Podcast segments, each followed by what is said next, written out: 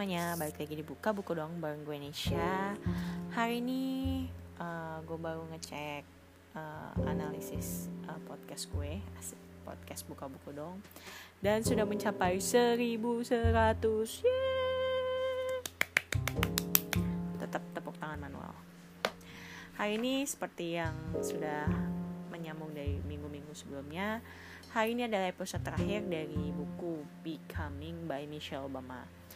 Hari ini gue mau bahas tentang Becoming More.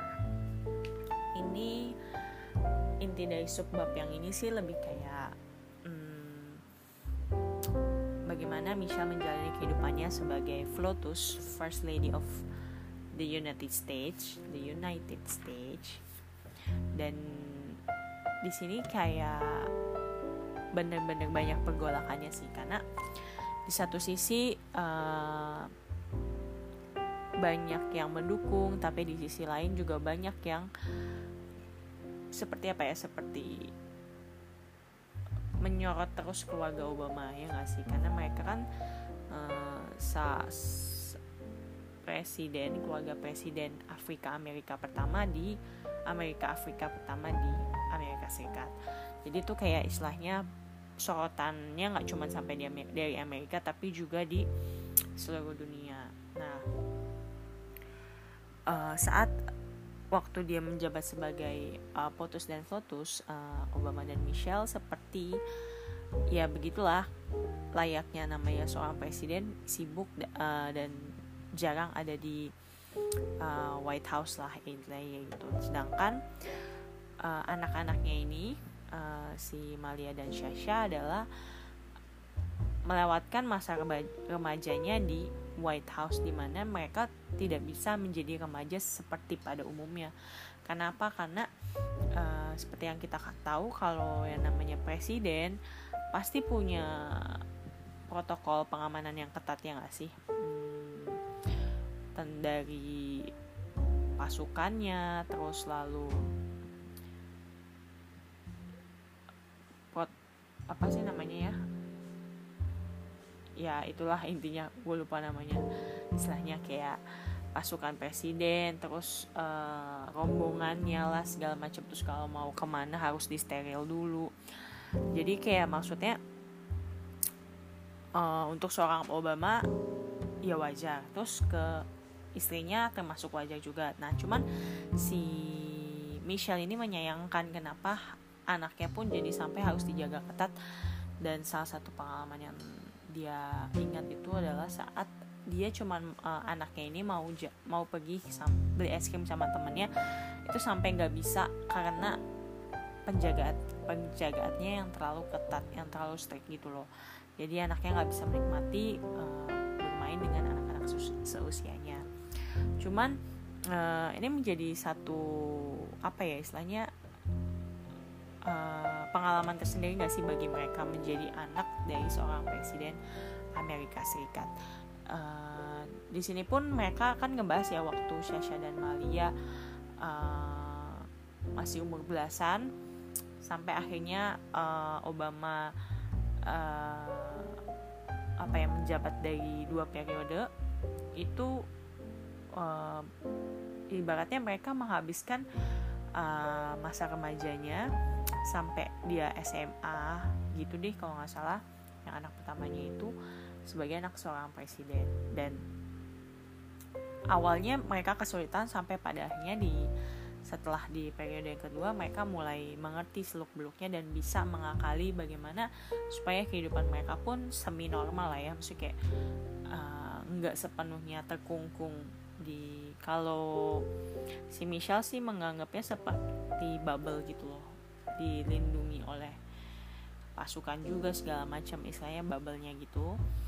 Uh, gimana mereka bisa mensiasati supaya mereka nggak terlalu gimana. Pada akhirnya Michelle pun harus berkorban karena kan Michelle ini pengamanannya cukup ketat juga tidak seperti anak-anaknya. Jadi level ibaratnya gini kalau Obama level 1 Michelle level 2 anak-anak dan keluarga lainnya itu level 3 jadi lebih pasukannya pun jumlahnya lebih sedikit segala macam.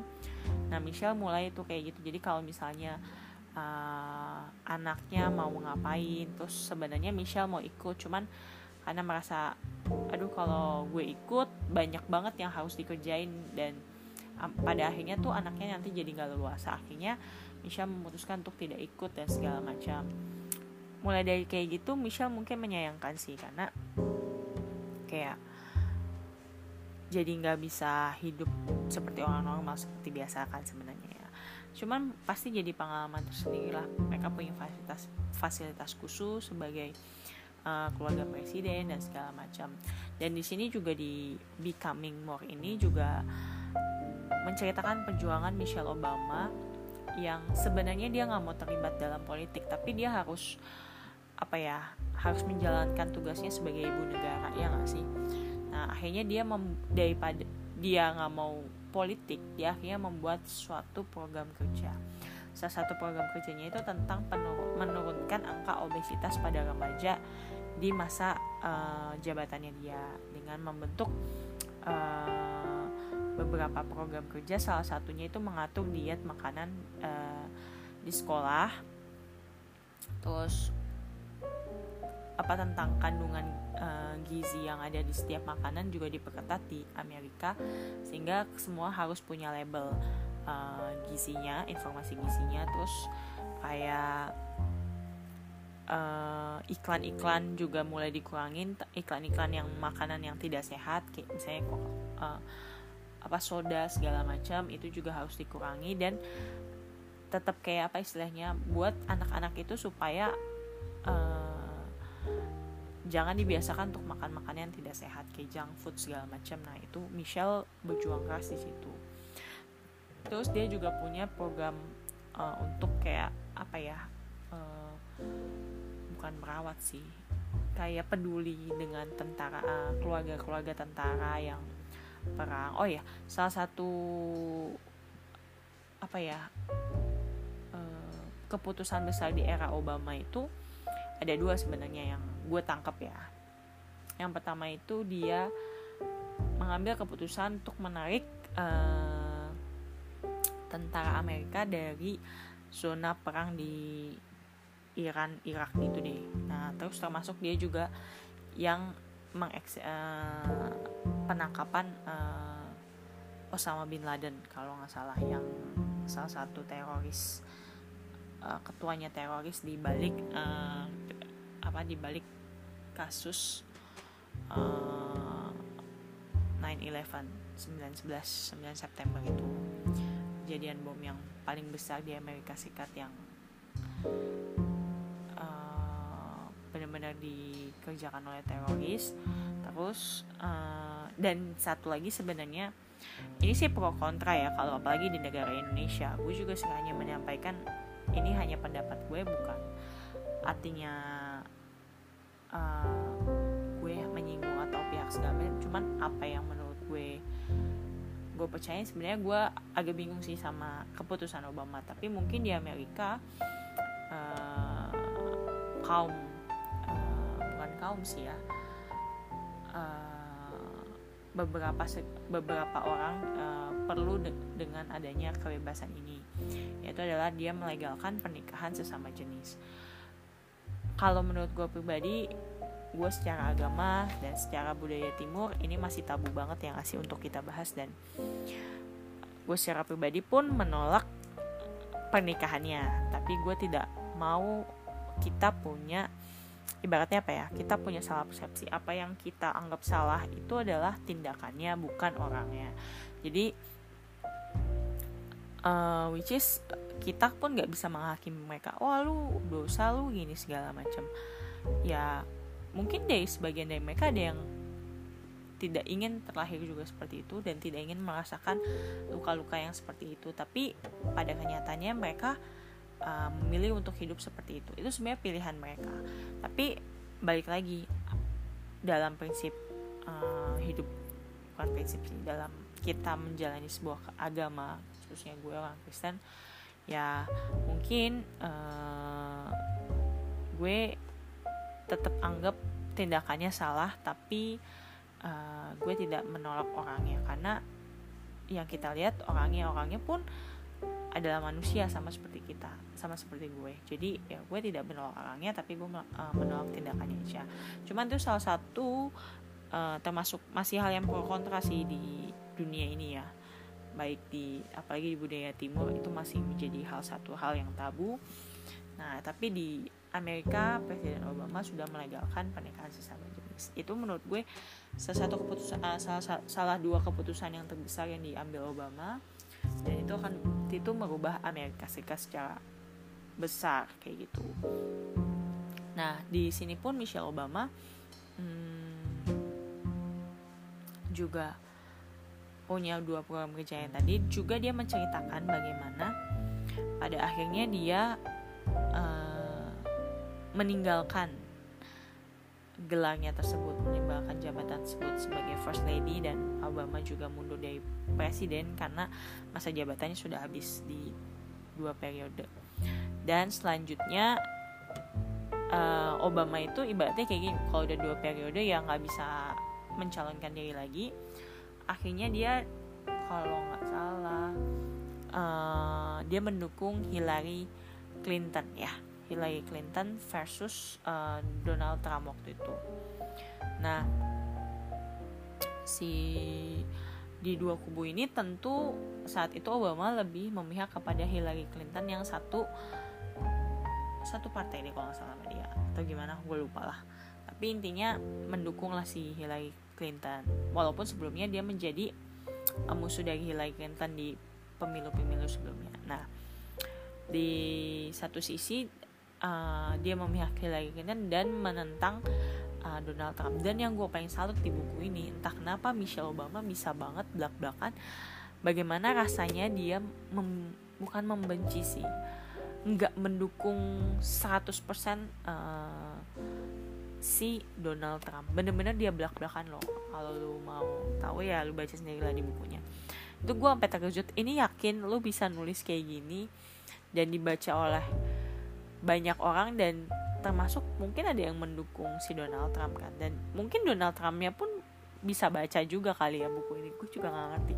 Tapi di sini bener-bener kata-katanya Michelle tuh bener-bener belak belakang di mana dia bener-bener gak suka sama Donald Trump.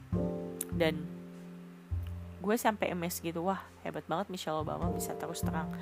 Dan tertulis di sebuah buku yang which is uh, apa ya diingat seluruh orang lah di masa depan juga ya kan. Maksudnya kita bisa ada catatannya gitu ada historinya. Itu sih menurut gue yang salah satu yang paling mes di um, bab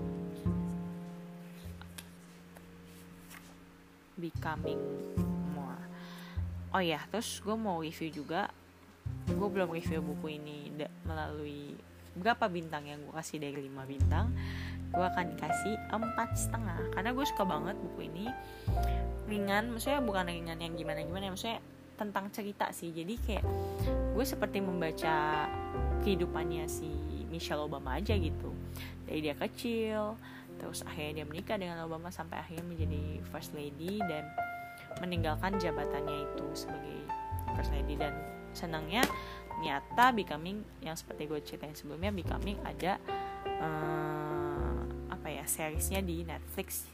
Itu semacam dokumenter sih dokumenternya Michelle Obama kayak gitulah. Dan apa ya Michelle sih menjadi orang yang pantas banget menjadi inspirasi terutama untuk masyarakat uh, Amerika Afrika di sana di mana banyak Michelle tuh berkontribusi untuk memajukan uh, Amerika apa ya warga Amerika Afrika yang dipandang sebelah mata oleh uh, orang kebanyakan orang Amerika. Jadi kayak masih ada rasis segala macam tapi lewat Michelle Obama dan Barack Obama dibuktikan bahwa kita semua tuh setara dan kita bisa menjadi apa pun yang kita mau asal kita berusaha dan mau benar-benar istilahnya mengorbankan segala sesuatu yang bisa kita korbankan. Kayak gitu sih. Itu aja review gue untuk uh, buku Becoming. Sorry kalau gue ada salah-salah kata atau ada yang menyinggung kalian. Ini semua hanya pribadi opini pribadi gue. Dan uh, abis ini gue akan kasih quotes-quotes dari buku Becoming Us di babnya Becoming More. Eh Becoming Us. Buku Becoming di bab yang Becoming More. Dan see you next week. Uh, kayaknya next week gue akan balik lagi ke segmen chat karena gue belum habisin buku gue yang lagi gue baca. Oke okay, see you next time. Bye bye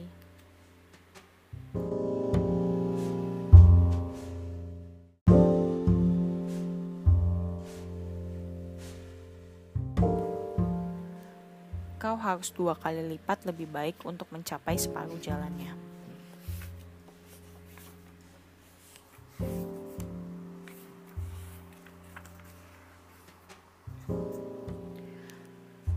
Sebagai anak-anak, kau belajar untuk mengukur jauh sebelum memahami ukuran atau nilai dari apa pun.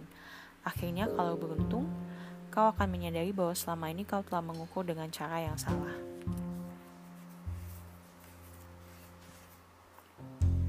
Mereka adalah diriku di masa lalu, dan aku adalah diri mereka yang bisa mereka capai.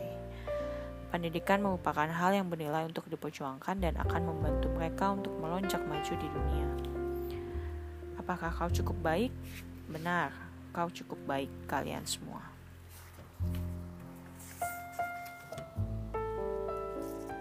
Apa pun yang kupilih untuk kulakukan, aku tahu pasti akan tetap mengecewakan seseorang.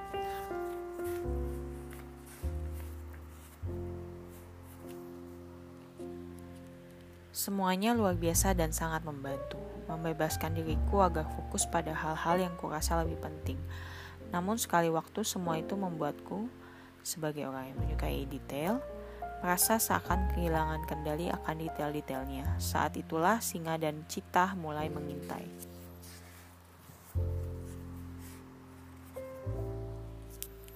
Kadangkala hal-hal terkecil terasa begitu besar.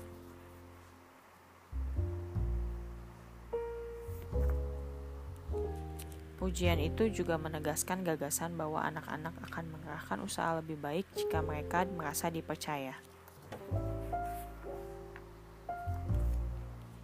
Jika aku dapat menegaskan kekuatan yang dimiliki anak-anak itu dan memberi mereka sekilas harapan akan cara untuk maju, maka aku akan selalu melakukannya. Itulah perbedaan kecil yang dapat kulakukan. Aku bangga terhadap kami semua karena sudah hampir selesai melaluinya. Pasti agak menyakitkan rasanya, menyadari saat lagi dia akan memiliki lebih banyak kebebasan dan lebih banyak waktu, tepat ketika putri-putri kami mulai beranjak pergi. Meski begitu, kami harus merelakan kepergian mereka. Masa depan adalah milik mereka sebagaimana mestinya.